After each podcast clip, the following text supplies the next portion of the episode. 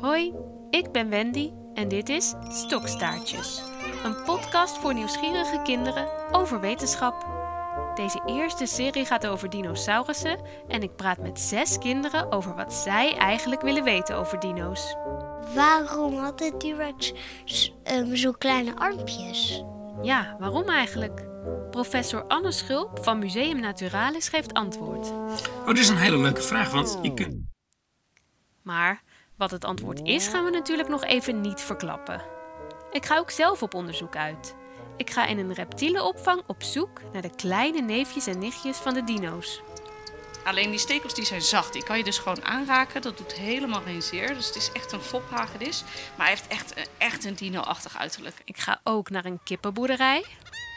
En je- kijk, als je ze op ziet graven, dan eh, zijn ze continu bezig met die pootjes om weer wat weg te graven. En ik sluip met drie kinderen door een museum dat eigenlijk dicht is. Dit is echt een heel bijzonder exemplaar. Een heel bijzonder dier, deze.